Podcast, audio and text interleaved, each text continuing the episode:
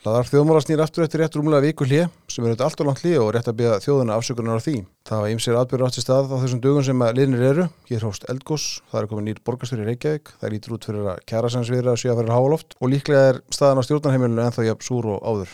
En festan í semfélaginu þá hér í hlaðarpið þjóðmála. Þeir eru sestir í hámbir Björn Brynjólfur Björnsson, hafðfræðingur og Hörður Ægjesson, reistur innhýra sem hefur nú komið undan okkur sem áður. Við ætlum að kera þetta í gang.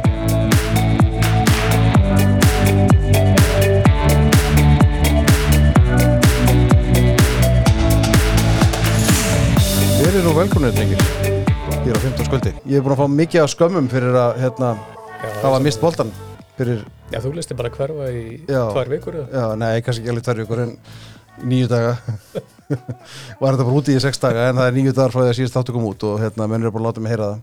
Já, er réttilega, réttilega. Já, já. Ég ætlaði að sko, ég var sérst, hlustundur til upplýsinga, þá var ég sérst í munnin að fylgja landsliðinni í handbólta og hérna fór á reyðilin þar úti sem var mjög gaman. Ætlaði að taka þátt úti og það klikkaði, bara eins og margt annað í lífinu. Við reynum að fyrirgefa það. Já, vonandi fyrir ekki á hlustundur það. Það skiptir meira máli, heldur þú. Herði, hvað segið þið? Sko, hérna, ef við byrjum bara strax í Grindavík, það er náttúrulega bara mjög erfitt og sárt að fylgjast með stöðu mála þar, vissulega, og hérna, þar byrja eldgós á sunnudaginn, alveg og, og hraun flæðir inn í bæinn. Sko, maður getur náttúrulega að tala um þetta eldgós í rauninni endalust og mikið búið fellið með fjölmjölum en það sem kannski er svona snýr helst að okkur núna er það já, hvað á að gera þegar að heilt bæjarfélag verður kannski bara þannig stað að það er ekki verður ekki hægt að búa þar aftur. Hvað gera með þá? Já, það er hérna, maður er bara finnur rosalega til með grindvikingum Mhm. bara, og ég held að allir séu samanlega það, þetta er svona mál, það er einhver svona deilur að milli stjórnar og stjórnarandstöðu, það er svona bera þetta mikla virðingu fyrir þessu svona þessu ástandi, þetta er auðvitað hamfarir, Mhm. en svona ég er svolítið hrættur um einhvern veginn að kannski stjórnvöld sé að finna of mikla pressa á sig og fara að gera eitthvað svona sem er ekki nógu vel út hugsað eins og hvað? um, sko, Það ég held að það komið fram hugmyndur um að kaupa bara alla grindviki ekki út úr bænum í rauninni, já, einföldum, máli sagt.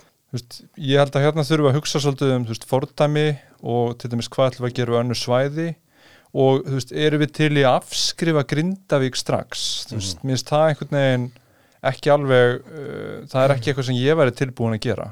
Og við erum með í rauninni, þú veist, núna einhvern veginn ríkistjóð sem er frekar óvinnsæl og þú veist, ráðherrarnir hafa verið vandræðum og eru mjög óvinnsæli sumi hverjir. Og þetta er svona gæti orðið svolítið þæli leðilega svona að reyna einhvern veginn að kaupa sér vinsældir og það er rosalega pressa á þau og ég er svona óttast að þú veist, það fara að koma eitthvað svona mögulegt lagafrumar sem er að ganga úr land Mhm. og mér er spórin smá hræða að því að nú þegar eru aðgerðina þannig að ríkið er farið að kaupa fullt af fastegnum sem eru nú þegar til sölu á markaði og er sjálft að leia þær til sem sagt grytvinginga Mhm. í staðin fyrir að láta sko búa til kvata þannig að húsnæðismarkaðurinn leysi þessu luti sjálfur Mhm. Uh, að því við höfum séð það bara húsnæðismarkaðurinn getur tekið við fullt af fólki. Hann við tekið við 70.000 erlend uh, sagt, starfsfólk, st mann sem hafa komið þetta erlendis frá að vinna. Mhm. og bara við sjáum að til dæmis fjöldi starfsmanna per, í, nei, fjöldi íbúa í íbúð er lægri en á, í öðrum löndum. Þannig að það er sko no pláss og ég myndi eiginlega frekar hugsa, þú veist, væri hægt að gera einhver aðgerð til að, byggja veist, auka frambúða af húsnæðinu Mhm. eða eitthvað svoleiðis í staðin fyrir að fara að millifæra stóra sumu peninga sem endilega leysir ekki endilega leysir ekki endilega vandan En hefur markaðarinn list þetta alveg sjálfur af því að við erum alltaf að tala um vandræð íbúðamarkaði?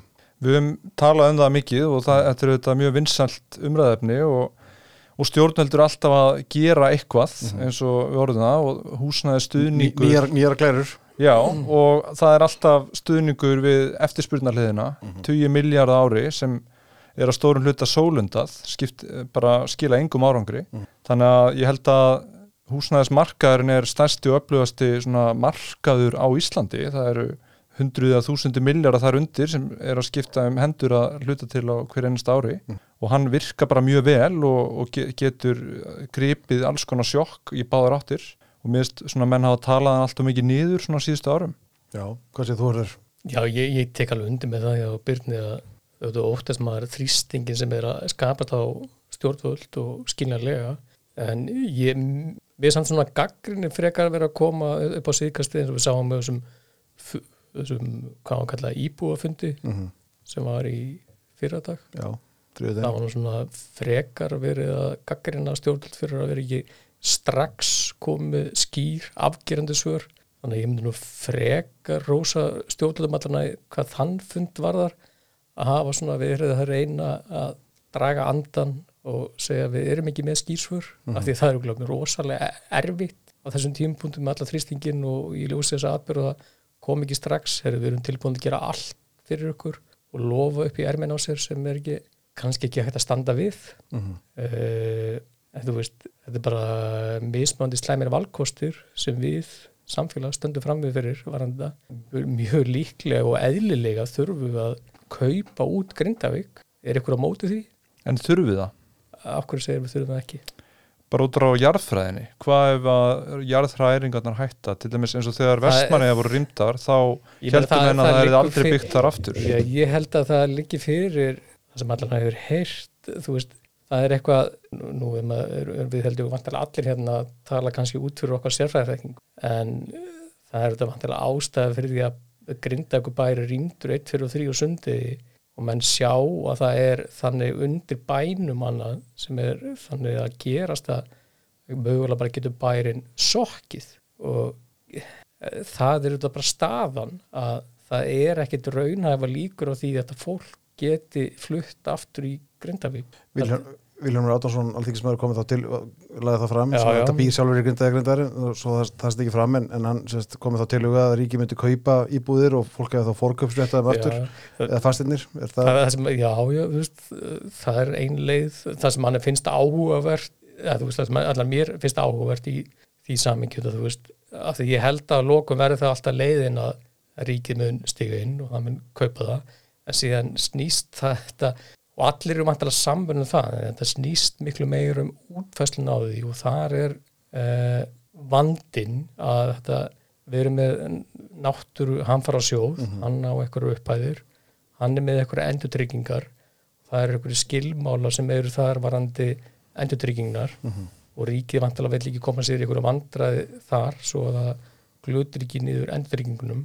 Og síðan eh, hvað ætlum við að gera? ætlum við að milli færa 100 miljardar inn á grindvinga sem eiga þessar fastegnir eru engir skilmála sem henni fylgja því þegar grindvinginu fá peningin mm.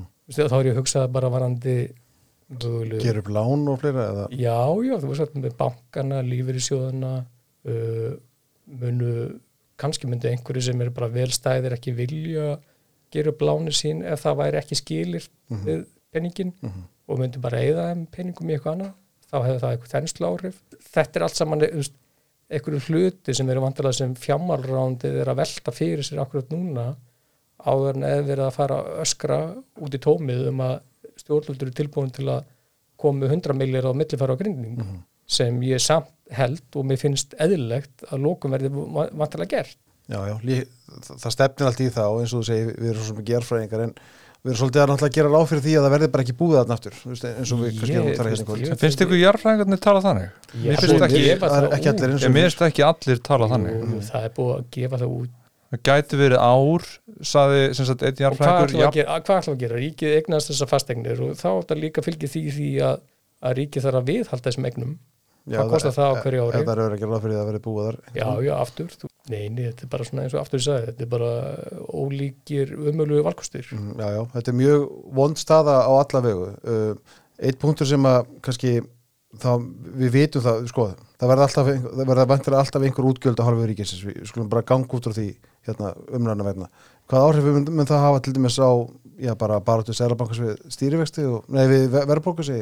Já það kemur inn að það sem þú sagðir hörðu með Já. útfærsluna, hún það er kemur rosalega þetta bara mikilvæg. mjög mikið. Þetta, er- ég, ég, ég bara viðkynna ég maður áttast ekki á því það er hægt að teknum einhverja sviðsmynd þar sem við myndur segja að þetta hafi þenslu hvernig áhrif. En síðan er líka mjög hæglega hægt að fara í hináttuna og segja bara þetta er þannig atbyrður að hann er að fara að hafa neikvað áhrif á bara efnaðslífið í heilsinni, samdráttur áhrif og ég meina við sáum bara Sælabankan í síðust ákvörðun sinni í, hvað var það, nóvember, það ekki? Það sem hann ákvaða uh, býðu og sjá og hjálptum vöxtum ábröðum og vísaði alfæri, alfærið í atbyrjuna á Grindavík. Já, já, þá var nýbúið að rýma bæin vegna jarðhræringa bara, ekki, ekki að ég, ég, ég, ég átta mig ekki almeinlega á því eins og sakið standa og aftur, ég held að fari rosalega mikið eftir útfæslun á þessu.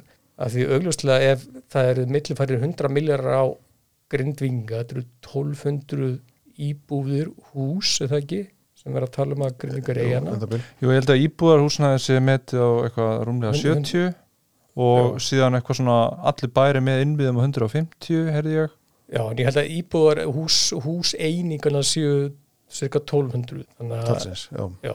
ég meina auðvitað hefði það ef allt þetta fólk þegar fengi peningin sinn eftir að hafa verið greitt í samræmi við brunabóðum þá hefði það mjög líklega þenslu hvernig áhrif að það með allt sem að ríðast inn á húsnæðismarkaðin ekki satt Mhm. það hljóma þannig Eh, en, en síðan er þetta Þú ert það frægur.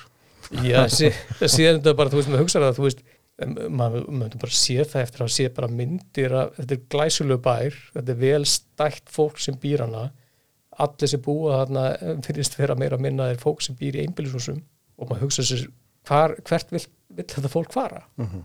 maður sér ekki fyrir sér að þetta fólk vilja fara í þryggja fjara herbyggja blokkaríbúður í, í gravarholtið eða, frábært er ég flesti vilja vera áfram sko ég horfði sérstaklega á þig, sorry ég, ég, ég, ég skil hvað það meinar. Nei, ég er bara ekki að djóka en, þetta er, þetta er og, og það er líka eitthvað sem að kannski verður ekki endilega er erfitt að metta þetta í fjár við höfum svolítið veist, fjöllum það um sem er með þetta fjárið bara, þú veist, þetta er fólk bara, þú veist, við, þú býr í ákveðinu samfélagi það sem er ákveðinu verða bara taktur samfélagið bara farið, Já. þú veist, ég menna fólki sem mættu á körfubólleikin hjá Grindavík fótbólleikin á Grindavík Mhm. er bara farið og þú veist, allir geta sett síðan spór, sko, Mhm. þú veist, bara, heyrðu, ég kem frá veist, maður aldrei geta maður geti ekki farið lengur og leikið með í Mhm. bara Akranesi er bara horfið það er ekki hægt bara einhvern veginn maður- þetta er bara ótrúlegt, sko já, já.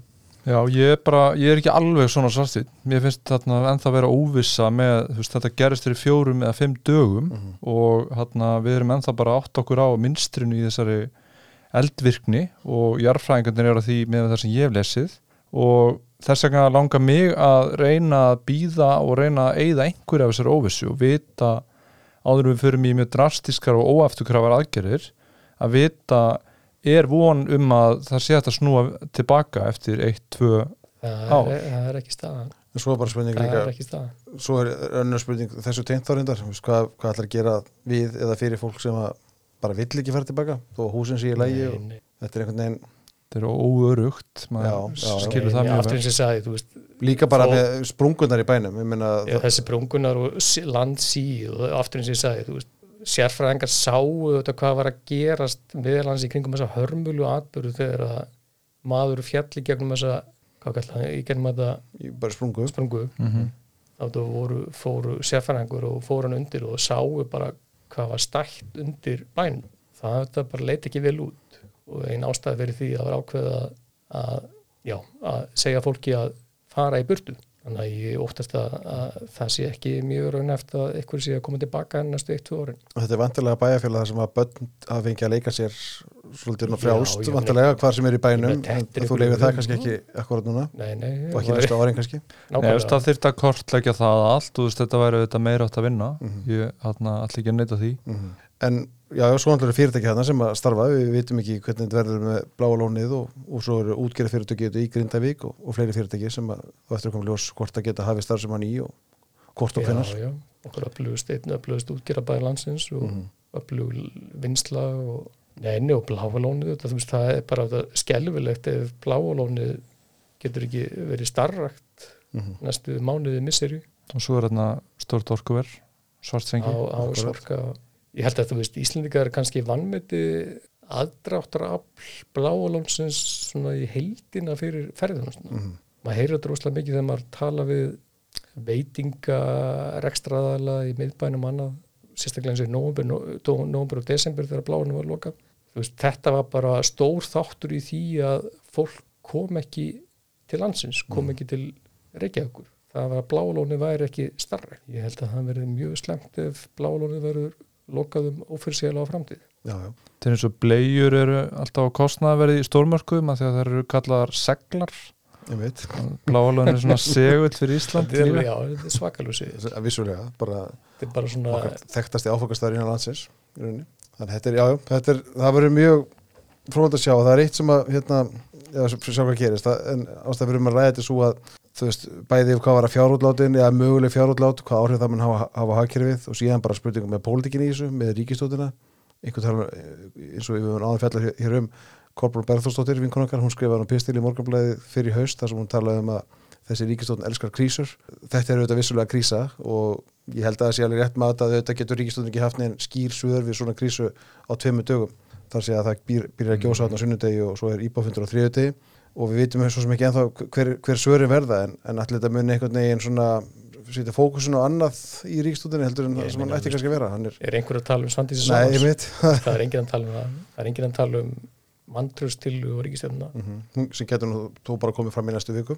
Já, já, og finnst ykkur það líklegt að það muni ég veit ekki, það er það, menn töluðu þannig, það var hérna, miðflokkur var búin að um bóða en það já, já, það er bara annað að hugsa um Mér finnst þetta alveg magnað þetta kvalviðmála því að ég sá ummali fórseta lagatildar HR um að sko um að þessi embættisverk getur varða við lögum ráðherra ábyrð. Já, Það er að segja eins og þegar Geir Horti var hérna dæmdu fyrir landstómi þá var það fyrir eh, í rauninni að halda ekki fundi eh, svona próforma með réttum hætti. En þarna er eins og sko ráðherran sé í rauninni að að brjóta lög hafandi hyrta bæði fyrirfram uh, frá embættismönnum í ráðunettinu og líka sko neita að draga ákvörðuna tilbaka þegar, þegar sko álit líkja fyrir um víðar. Mhm. og síðan sko er sko kemur áliti frá umbúsmanni og þá já þetta var þetta er náttúrulega úrell lög. Þannig að þetta er sko það hljómar eins og ráð þegar hann sé viljandi að brjóta lög og nú er bara spurning hvort að það verði hérna skadabætur dæmdar sem Íslenska ríki þarf að greiða. Og þetta er þá í annað sinn sem vafkir á þeirra ba- bakar skattgreðendum skadabótaskylda því að Jón Bjarnason uh, sagt bakaði skattgreðendum skadabótaskyldu með ólögumættri útdeilingu á makrilkóta Mhm. ekki þre- 1300 miljónir Jú, það var eitthvað, ég var ekki eitthvað pressa á að láta útgjörðina falla frá en fjall- ein fjall- hjælt til streitu Það og, fjall- fjallu sjö útgerðir fjallu frá málinu og það var bara vinslustöðin sem að kláraði málið. Og hún vann málið og, og vann og, mannálókum þetta voru meira áttar upphæðir. Og þ- ef að, ef að eitthvað varðar sko, að því að þar var sama staða, hann hefði fengið sko svart á hvítu að þetta væri gegn lögum en gekk, gekk samt fram með þessum hætti og skapar og bakar hérna skattgreðendum sko tjón. Líklega, líklega upp á miljard þannig að, og þú veist, ef að það, ef að það varðar ekki við lögum ráðherrafur þá veit ég ekki hvað gerir það. Þú veist, þá ertu í rauninni að, að breyta rámt viljað, þannig að þetta er frekar alvarlegt að mínum mati það sem núverandi matmálaráðherra hefur gert samkvæmt álitinu. Þannig að, þannig að er ekki talað um var það ekki House of Cards þar sem þau sögðu alltaf hjónin Our Falklands þegar kom einhver krísa þannig að, að núverandi matmálaráðherra er kannski heima að tala um sínar Falklandsegar í Grindavík.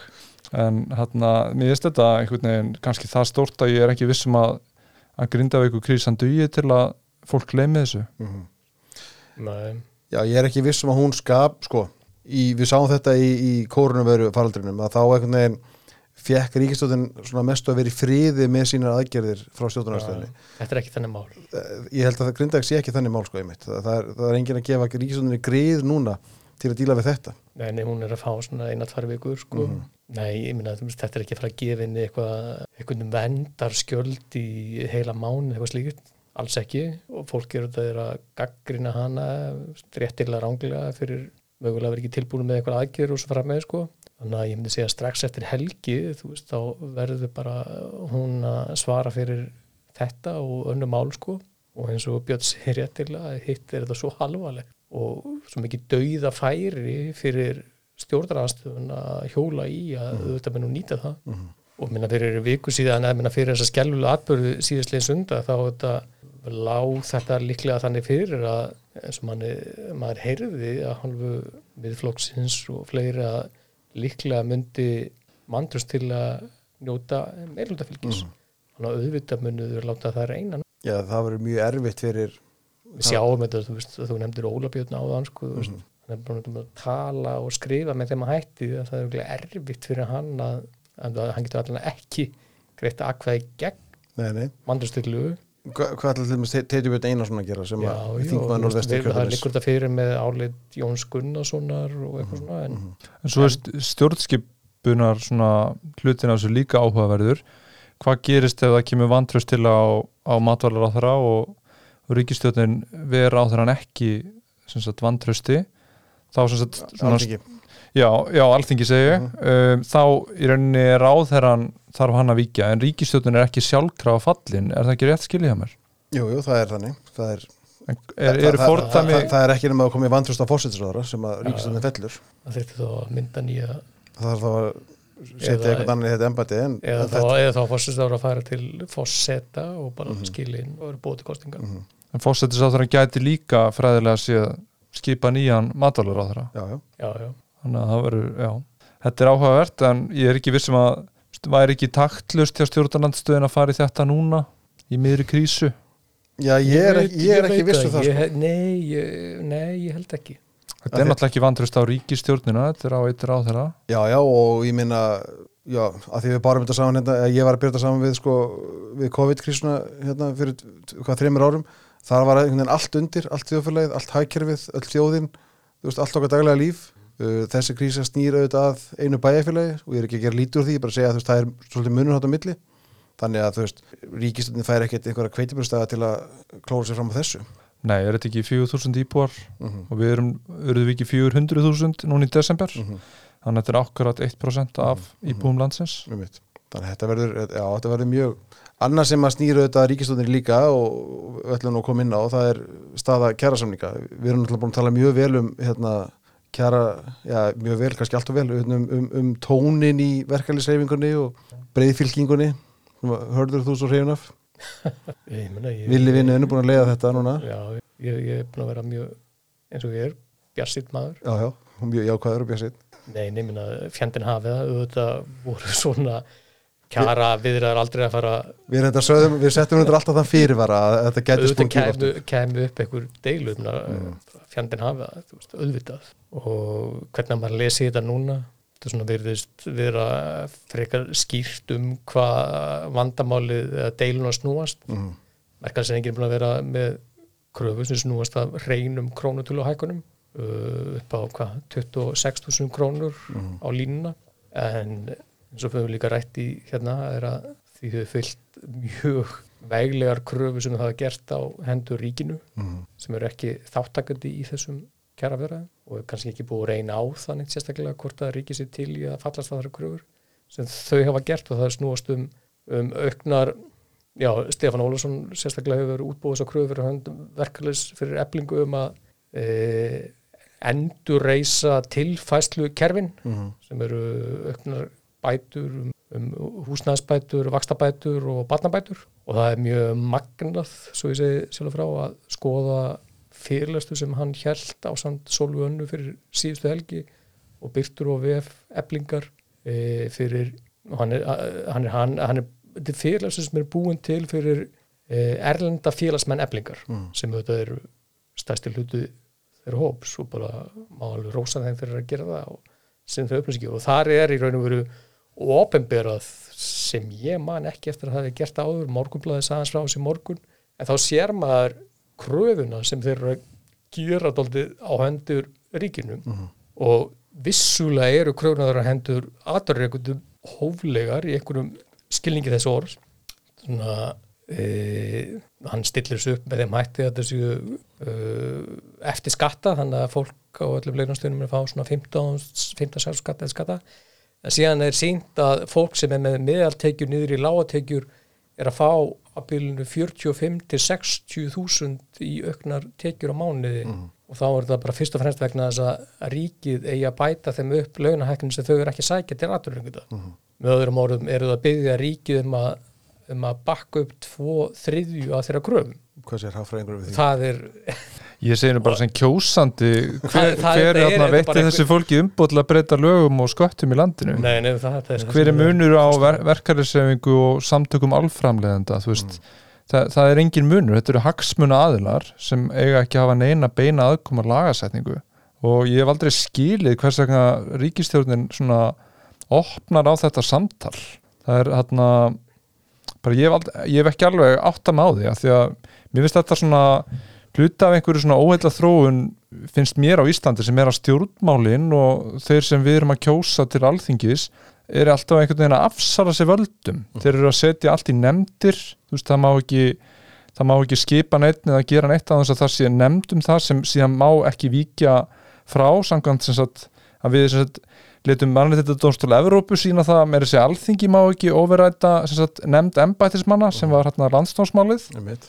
þannig að sko ráðherrarnir eru með sko búin að setja hluta af valdinu sinni til embættismanna og núna á að fara að setja lagasætningavaldið til hagsmunaðila í tengslu við kjarasamninga sem eru reglulega bara með förstu millibili og, og mér finnst þetta bara slæm þróun og ég vona að að stjórnvöld segir bara hérna, þið verður bara afgreð þetta sjálf ykkar á milli. Þér það líklegt? Er líka- þetta er alveg stór pólitískt mál.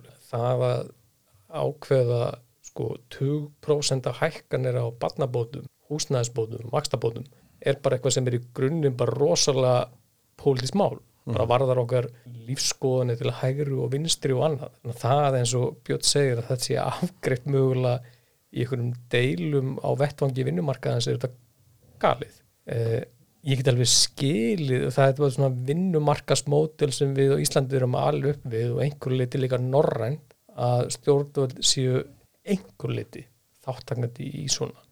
Það er eitt að koma inn kannski á lokametrun til að svona fínbúsa eitthvað smá sko en, en þú veist, annað að er vera bara með upphafi yfir strikið sko. Þannig er þetta bara, þú veist, þannig er verið að beita einhvers konar fjárkúun á hendur stjórnvöldum. Mhm.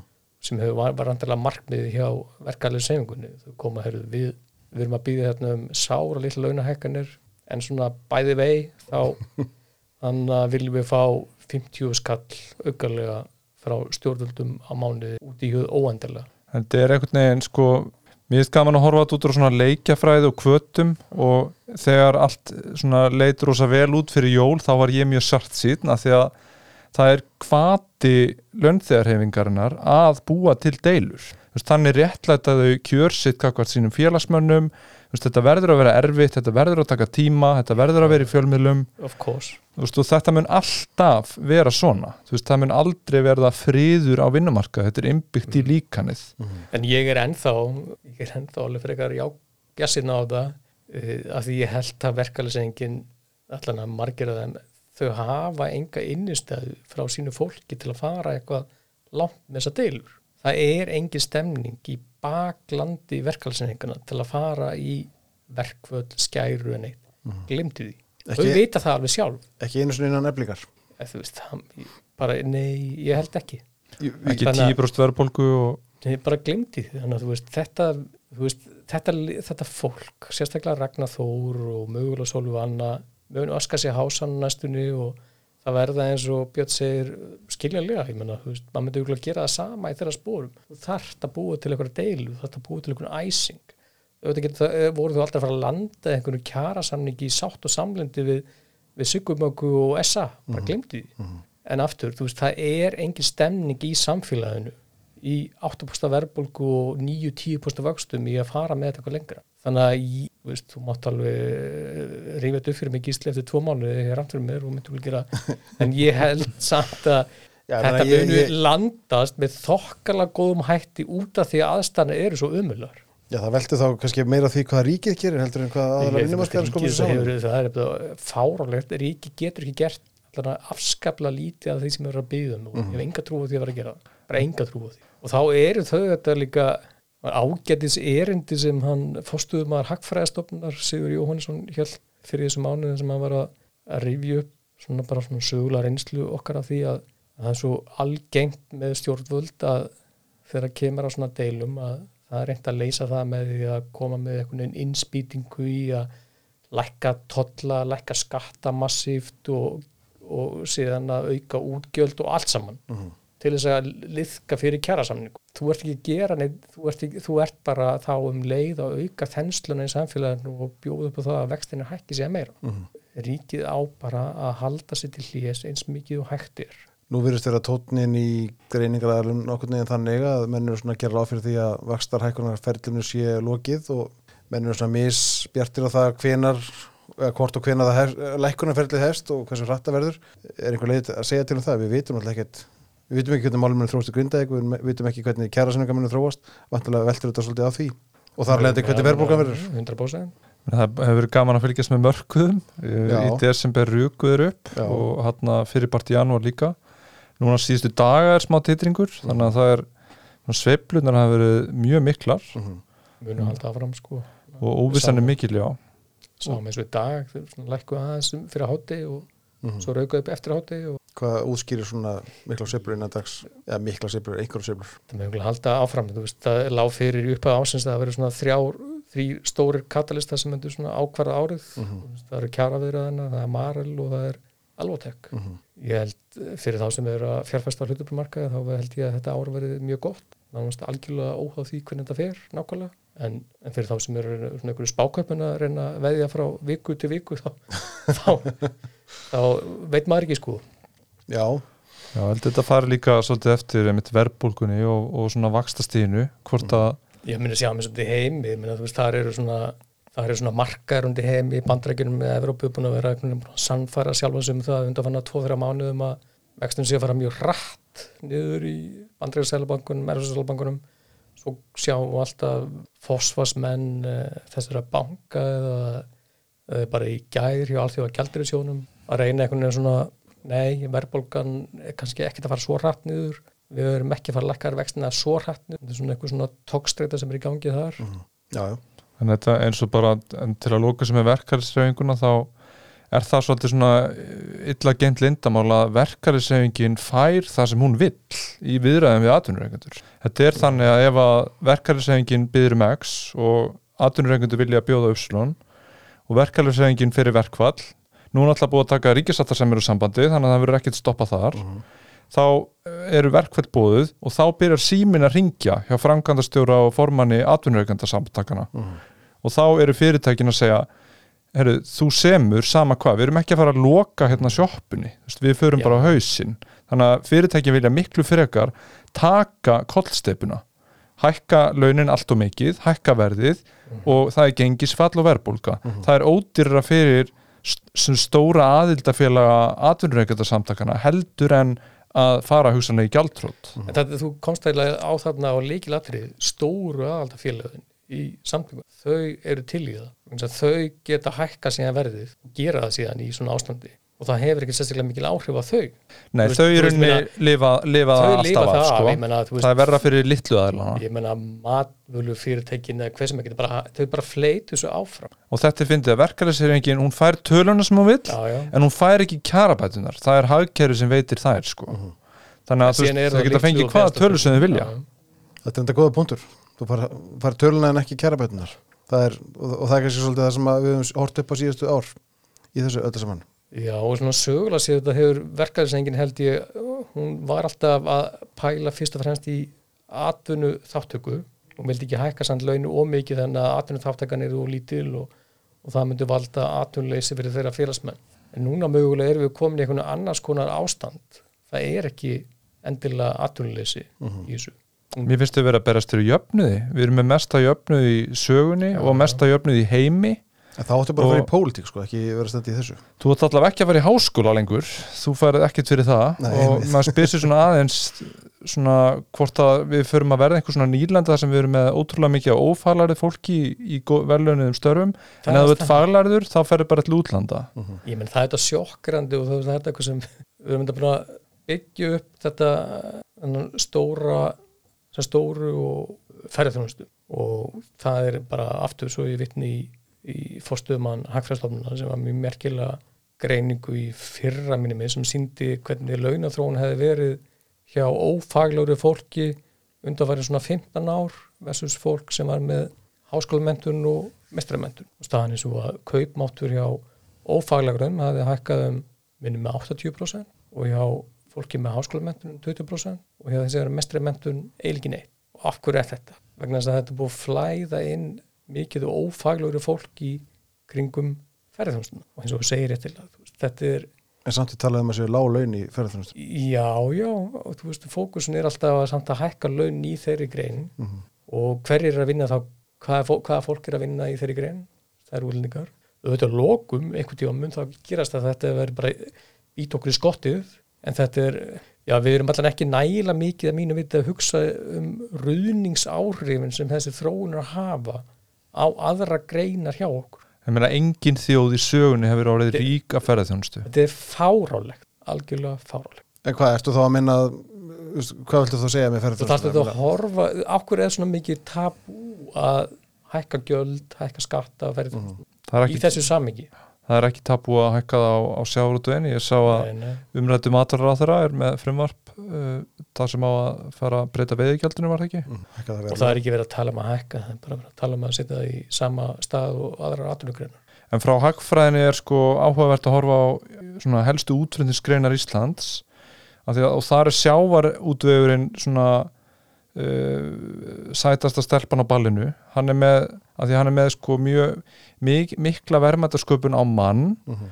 og líka sko mikla verðmættasköpun per fjárfesta krónu. Þannig, að, þannig að bæði sko fjármagn og mannauður er mjög vel nýtt. Það við erum að búa til mjög mikil verðmæti á báða þessa mælikvara síðan á eftir kemur orkan og þar er rosalega sko mikil verðmættasköpun á mann. Já. En svona það sem var leiðilegt með hvernig þess að bransi byrjaði er að við seldum orkuna svo ódýrt að við vorum með lága verðmættasköpun á fjármakseiningu Mhm. og svo núna erum við með ferðarþjónustuna sem er bæði með lága verðmættasköpun á mann og líka lága verðmættasköpun á fjármakseiningu Útskýra það eins betur sagt, eh, þú ert með lág meðalöun Mhm. Og þú ert með sagt, lítið af fyrirtækjum sem skila hagnaði. Þetta er langmest veitingastæður, hótel og hérna, gistiheimili sem skila í rauninni eiginlega engum hagnaði. Þetta er eiginlega allt nullrekstur þannig að þú ert bæði með sko fjármununa eða fjárfestinguna sem eru húsin og, og innviðirnir. Þau eru ekki að skila arði. og fjármarskostnaður sem fylgir því. Já, þau eru ekki að skila arði fyrir þá sem fjárfesta í, í fyrirtækjunum. Ekki miklum. Og eh, störfin eru fyrst og fremst ófælar þannig að þau eru ekki að skila uh, sagt, já, miklum verðmætum í samfélagi í formi skatta eða annars. Þannig að veist, ef við röðum útflutningsgreinum Ísland svona í einhverja goggunaröð þá er sjávaröðurinn bestur veist, orka nummið tvö og ferðarþjónustan nummið þrjú. Og svo eru þetta þessi hátækni geri eins og Össur og Marel sem er líka í rauninni væru svolítið í efstaflokkinum af því að þau eru að gera hluti sem eru þá einstakir á heimsvísu og eru þá mjög verðmættir en, og eru líka þá með mjög há, hálaun þannig að en sá bransi bara miklu minni. Veist, hann er ekki hann er ekki ennþá jafn stór og þessir, þessar þrjár svona höfuð útflutningsgreinar Íslands. En núna þegar hugvið skreinandar eru að hækka og menn tala um það, það verði þá og eru farin að tala um það sé þá fjó- fjórða greinin er það ekki yðnaður svona, ef, við setjum þetta saman einn yðna sem krefst mikill að mentunar og hára launa Jú, og ferðarþjónustan svolítið reyður honum auðvitað hluta til frá að því að ferðarþjónustan þá styrki krónuna og náttúrulega vegferðin í, í kjaraviðræðinum er þá að auka jöfnu þannig að það er erfiðar kannski að laða fólk í þetta. Þannig að og svo er, svona, er stjórnvöld alltaf að reyna að setja plástra á þetta. Það er verið að setja eh, skattaafslætti fyrir erlenda sérfræðinga ef þeir eru með XH laun svo er verið end, núna að setja sko gríðalegur upphæði R og þotn endugreðslur sem þá sækir um hjá nefnd hjá Rannís um Mhm. endugreðslu rannsóður og þróun Já, þannig að ef að, þú veist, nefnd hjá Rannís segir að fyrirtæki eitt sé í nýsköpun þá farið 35% af launakostnaðinum uh, endugreitan. Mhm. sem alveg ennhört og Já, þannig að þetta er sko, við erum einhvern veginn að búa til kerfi þar sem, þú veist, við erum einhvern veginn alltaf að plástra í staðin fyrir að vera bara með svona, já, ná svona grunnatriðunum réttum. Er þetta, sko að því þú kemur inn á þetta, ég meina nú hafa samtöku innar eins og fleiri talar auðvitað bara styrja þessu og tala mjög mjög mikilvæg þess að endurgreiða þennan hluta rannsóknunar og, rannsóknunar og þróunarkostnaði. Er þetta raung strategía? Mér heyrðist þú verið að halda því fram. er þetta ekki meira svo við grípið inn í bara, þú veist, þau eru bara að dressa einhvern raunveruleika vegna þess að það er það er engin stemning fyrir því að gera hitt Mm Sem væri þá hvað?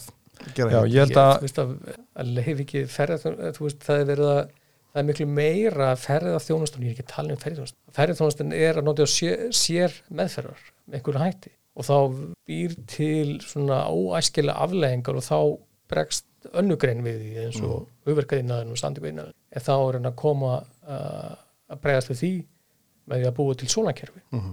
í staðan fyrir að gera eins og Björn segir þú veist, kannski bara með skinsalega hætti á allar atvinnungurinn. Meina stærsti skattur á Íslandi er virðisauka skattur Mhm. og ferð, öll ferðarþjónusta er eiginlega í lægra þreppinu. Mhm.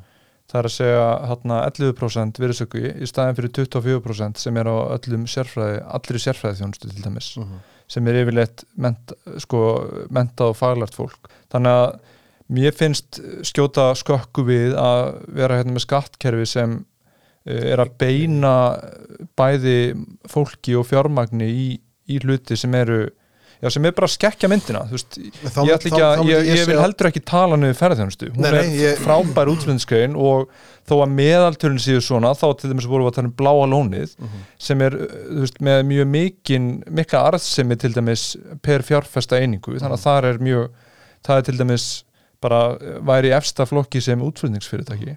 Einhver innan ferðarþjónusta myndi svara þér þannig að aðrar útflutningsgreina séu ekki að borga neitt virðisaukaskatt það er ekki, það er ekki vaskur á, á sjávarútveg og orku það er vaskur á ferðarþjónustu Já, en ferðarþjónustan er ekki svo einu sem borgar virðisaukaskatt, það er greitu virðisaukaskattur af fiskinum í því landi sem hans er neitt, mm.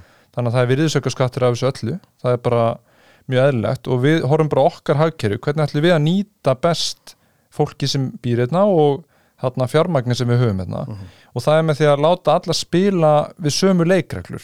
Og það er með því að vera þá með sama virðisaukaskatt strepa á allt. Þú veist, ekki heldur undan skilja heilbriðistjónustu, ekki heldur undan skilja fjármálaþjónustu. Verður með allt í einu þrepi og þá getur þrepi líka verið lægra.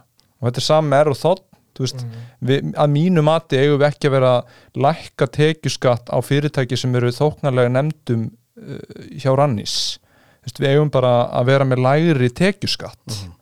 Við eigum að vera, reyna að vera með sem samkemishæfast kerfi en ekki vera með hérna, nefndir að handvelja hvaða atvinningurinn eru meira stjórnvöldum þóknarlegar og hver er ekki. Það er enda merkjöld hvað, hvað ríkið er oft til í að fara í alls konar svona skatta ívilnunar aðgerðir Já, en, en aldrei lækka skatta almennt sko. Af því að það er allir samanlega að skatta ívilnun kemur sér til góða, það, það, það, ígur þá við verkefnin og fjárfæstingun og allt þetta. Ég held að það sé alveg algjönd að þú veist og bara almennt hjá ríkistjórnum á Norrlöndum að það er verið að setja sig eitthvað svona atvinnu stefnu mm en ég held kannski eins og Björn er að lýsa ágætlega atvinnum stefna hjá okkur eða má segja að sé eitthvað atvinnum stefna er byggð á mjög undarlegum kvötum ef hún sé bara fólkinni því að búa til kvata fyrir atvinnugrein sem sögulega séð í öllum öðru löndum í kringum okkur er ekkit sérstaklega veitliðis fallin að búa til velselt til lengur tíma litið -hmm. Það, þú veist, þetta er bara og aðra atvinningurinn sem er hérna, kvikmyndagerð Mm -hmm. Sem hérna, ég, held, ég man ekki hvert hlutfallið er en ég held að skattgreindur sé að greiða yfir miljard Já, fyrir já. sem sagt, uh, þriðju seri True Detective sem á að gerast í Alaska en var tekin upp á Íslandi en það er, hver, kemur hvergi fram. Mhm. þannig að ég veit ekki, mér, mér finnst uh, þessu skatt við ekki vel varið.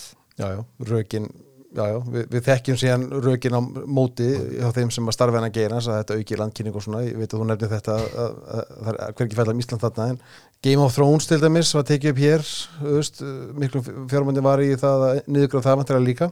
Uh, það að einhver liti jók nú er ég að taka hinn málstæðin sko það að einhver jók þú veist á áhuga á Íslandi menn að fólk var að koma hérna og vildi skoða hvar þættinni voru teknir upp og skoða svona, þess, þessar, þessar staðsningar að þetta er í rauninni meira subsidy á ferðarþjónustuna Já, í rauninni sko. Að að já, þetta mun koma fram þar allavega að, að fólk hefur það áhuga á því að koma til Íslands til að skoða eitthvað, hvað er einhver James Bond myndum að tekinu upp eða Game of Thrones eða hvað sem það er. Já. það er svona ringurinn í þessu. Við þekkjum þessar raugraður en þetta eru auðvitað gífurlega miklu fjármunir en þú nefndir eða háskólanum, það kannski borgar sig ekki að fyrir háskólan lengur. Það er allavega virðisborga sem með við fjöldan það eru þetta mjög margir í háskóla.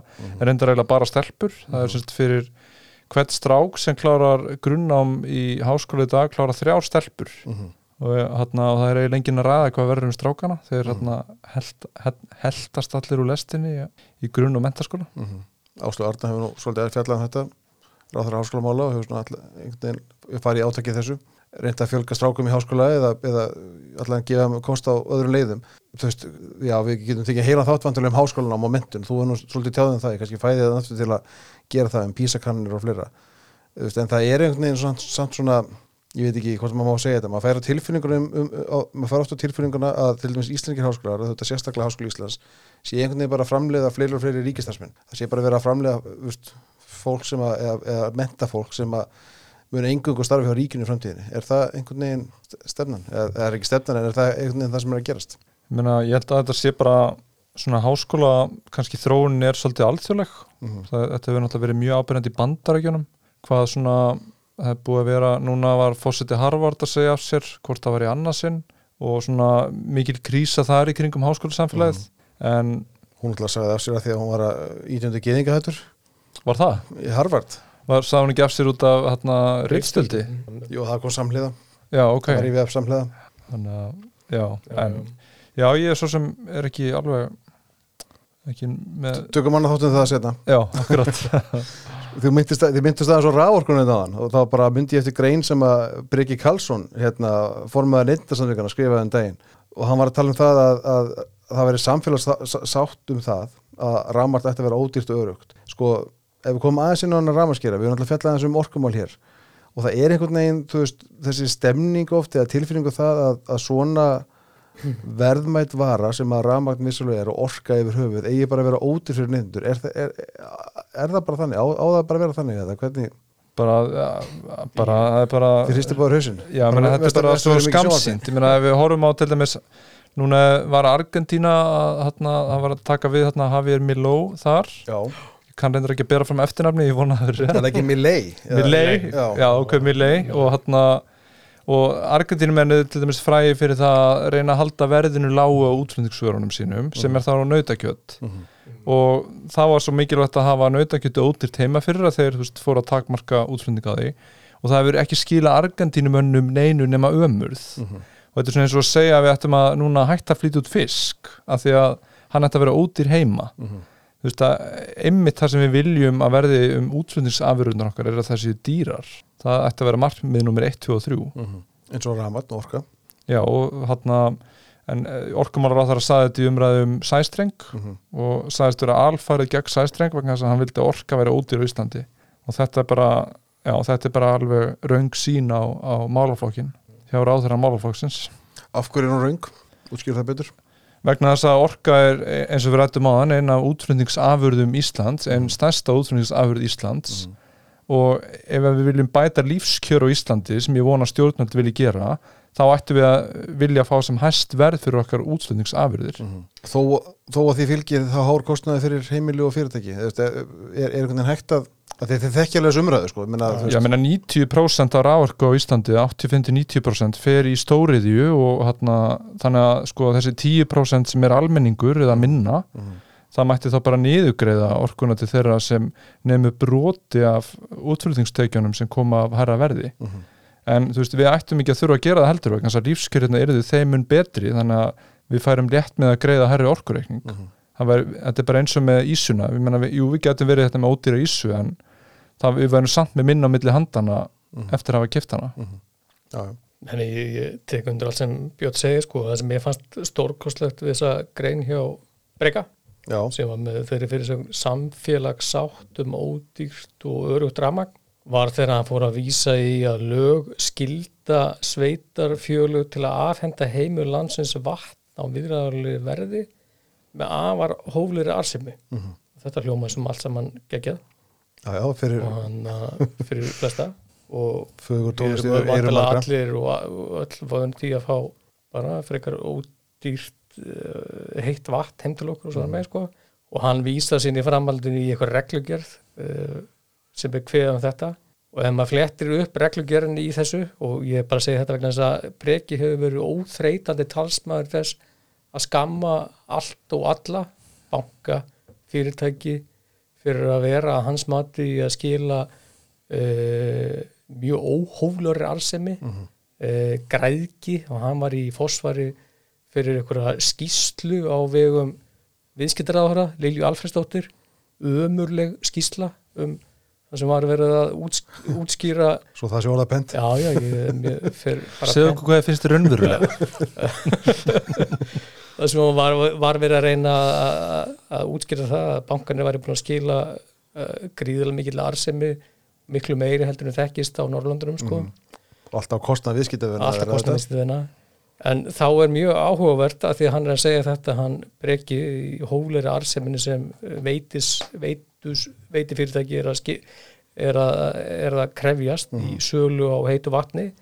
Þegar mann til að hái sveitur og hvað orku veitan það er ekki mörg fyrirtæki þau starfa á einókuna markaði ólíkt böngum og það er skilgrein hvað er hófleg arsemi og það er talað um að vegin fjármaskostnar í þessari reglugjör er skilgreind, skilgreindu sem vegið meðatal arðsemis kröfu til eigin fjár umfram almenna verbreytingur og raunvexti af lánum eftir skatt.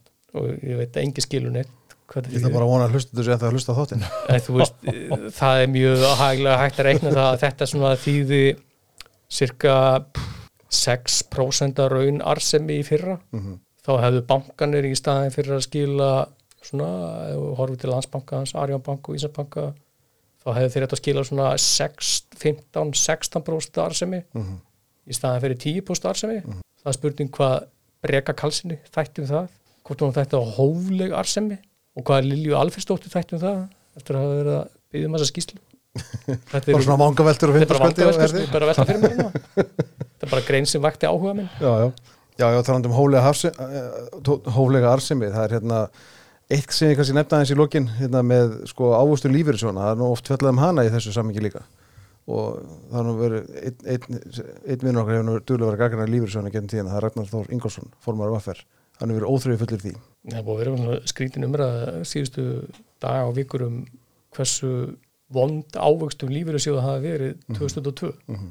og menn hafi verið að tala um hvort þeir hafi skila neikvar ávöxtun upp á 200 miljardar eða 800 miljardar og svona með þess uh, auðvitað voru ávöxtun lífyrirsjóðan 2002 eins og allstæri heiminum fyrir eitthvað slæm og en það er dálítið komist að fylgjast með Ragnar Þór sem er að sérstaklega í farabróti þar að vettfangi uh, lífyrirsjóð, uh, vettfangi verkaðisegingrar og lætur eins og uh, þetta sé til marksum að allir sem stýra lífyrirsjóðunum séu apaheilar Mhm. uh, en hann er kannski stundum að líta sér nær og hann fer nú fyrir félagi sem er auðvitað uh, skipar fjóra stjórnamenn lífyrirsjóðvestlumanna og er stjórnaformaður í Vaffer og Vaffer er með 13 miljardar verbreyfasapp og eins og allir aðrir sem eiga verbri, áttu verbri árum 2022 uh, voru ekki varhluta því að það gekk illa á mörgum uh, og ef maður rínir í uh, ávöxtun Ragnar Þós og félagi Vaffer 2002 þá var hún lakari heldur hans eigin lífyrirsjóður lífyrirsjóð Vestlumanna og þau uh, sáu held ég 12% að neikvæða ávöxtun á verbreyðasafni Vaffer uh, þannig að það er svona kannski verið að kasta steinum og glerhúsi þetta mætti segja það Já, já. Herðu, ég að fara að segja þetta gott. Er Erum við að gleyma einhverju? Herðu, Reykjavík maður. Við erum, við ekkert búin að fellum, ég, ég vil segja að þessu komið nýr skiptastjóri í Reykjavík. Ég, hérna, í, neyti kallan borgarstjóra. Einar vinn minn. En ég óskonum bara að simplista í þessu Já, já, ég, ég líka, bara sem íbúið Reykjavík, hvað gerir ég það? En síðan þú stóta að líka markaða morgun. Já, við Maral já. Þá kemur í ljós hvort að JBT mun standa við yfirtökutilbúið sitt. Já, er ekki, er ekki skild að En rétt það er ekkert heist á stjórn Marel kringu það. eins og, eins og maður skilur það, var gefin eitthvað frestu fyrir JBT til að koma með skuldbindandi tilbúð Mm tvær vikur og það er enn út á morgun -hmm. og hann að Af hverju heyrist ekkert frá Marel? Ég var sjálfur með fréttum það en daginn að margir hluta af Marel eru með jákvæði fyrir þessu.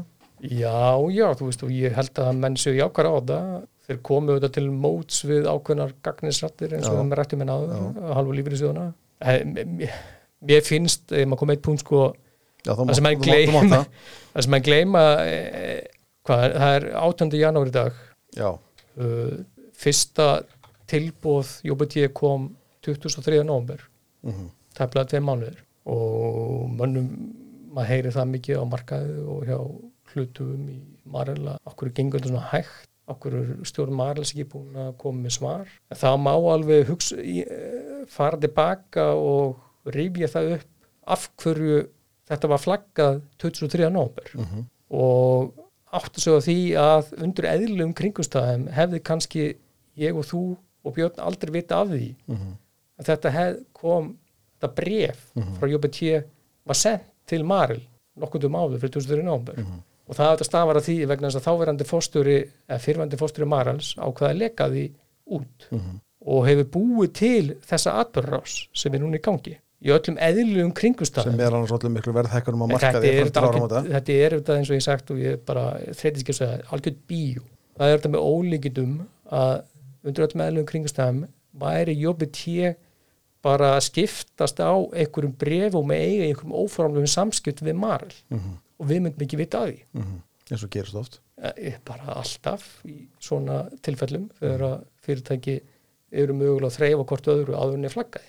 En þessi stað kom þetta fyrir okkur sjónir 2003. november vegna þess að fyrirvæðandi fórstjóri Marels ákvaða að leka því út Mhm. og til þess að gæta sínum eigin hagsmunum skiljanlega og núna eru við að veltaði fyrir okkur, akkur er ekki komin afstafa stjórnar Marels, akkur er ekki búið að ná eitthvað sátt í milli stjórnar Marels við jobbið tíu með eitthvað skilmála Mhm. til þess að hefja formulega viðræður Mhm. þú ég er bara að segja það, En það ástæðan fyrir því er meðalans þessi Já, ég- það er minnast spurning, af hverju er það? það er kon, þó að sko, fyrirhundi fórstjóri hafi leikið brefinu, að þá Það eru tíma. tveir mánuðir það síðan tekur tíma Mhm. það er mjög eðlilegt að tvö reisastór fyrirtæki tíu er stórt fyrirtæki í sínu markaði bandaríkjum Marel er reisastórt fyrirtæki í sem malkvar það er algjörlega ljóst að íslenski lífeyrissjóður hafa mjög sterka skoðunar á því Mhm.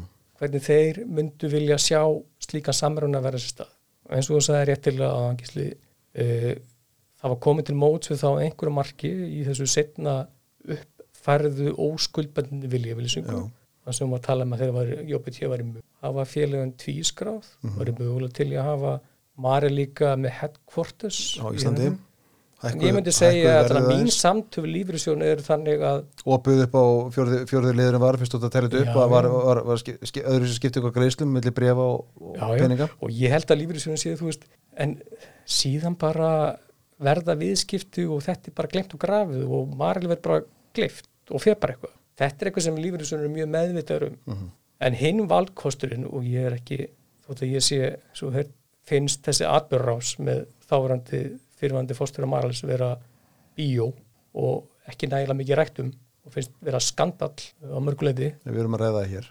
Uh, þá þetta er hinn valkosturinn ef þessi fyrirtæki er enn ekki saman þá þarf að endur fjármagna eirir Mhm, og það þarf líklega að færi hlutafaraukningu á vettvangi Marals mhm. og það er það sem lífriðsjóðunur og aðri stóru hlutafar í Marel þurfa að velta fyrir sér. Og er þetta til í það heldur? Ég, þú veist, ef svo staða kemur upp já, já, það verður ekkert mál. Mhm. ólíkt, ólíkt uh, fyrirvændi fórstura Marels og föður hans þá er þetta hlutafar sem getur gert það. Akkur hætti Linda Jónsdóttir í vikunni?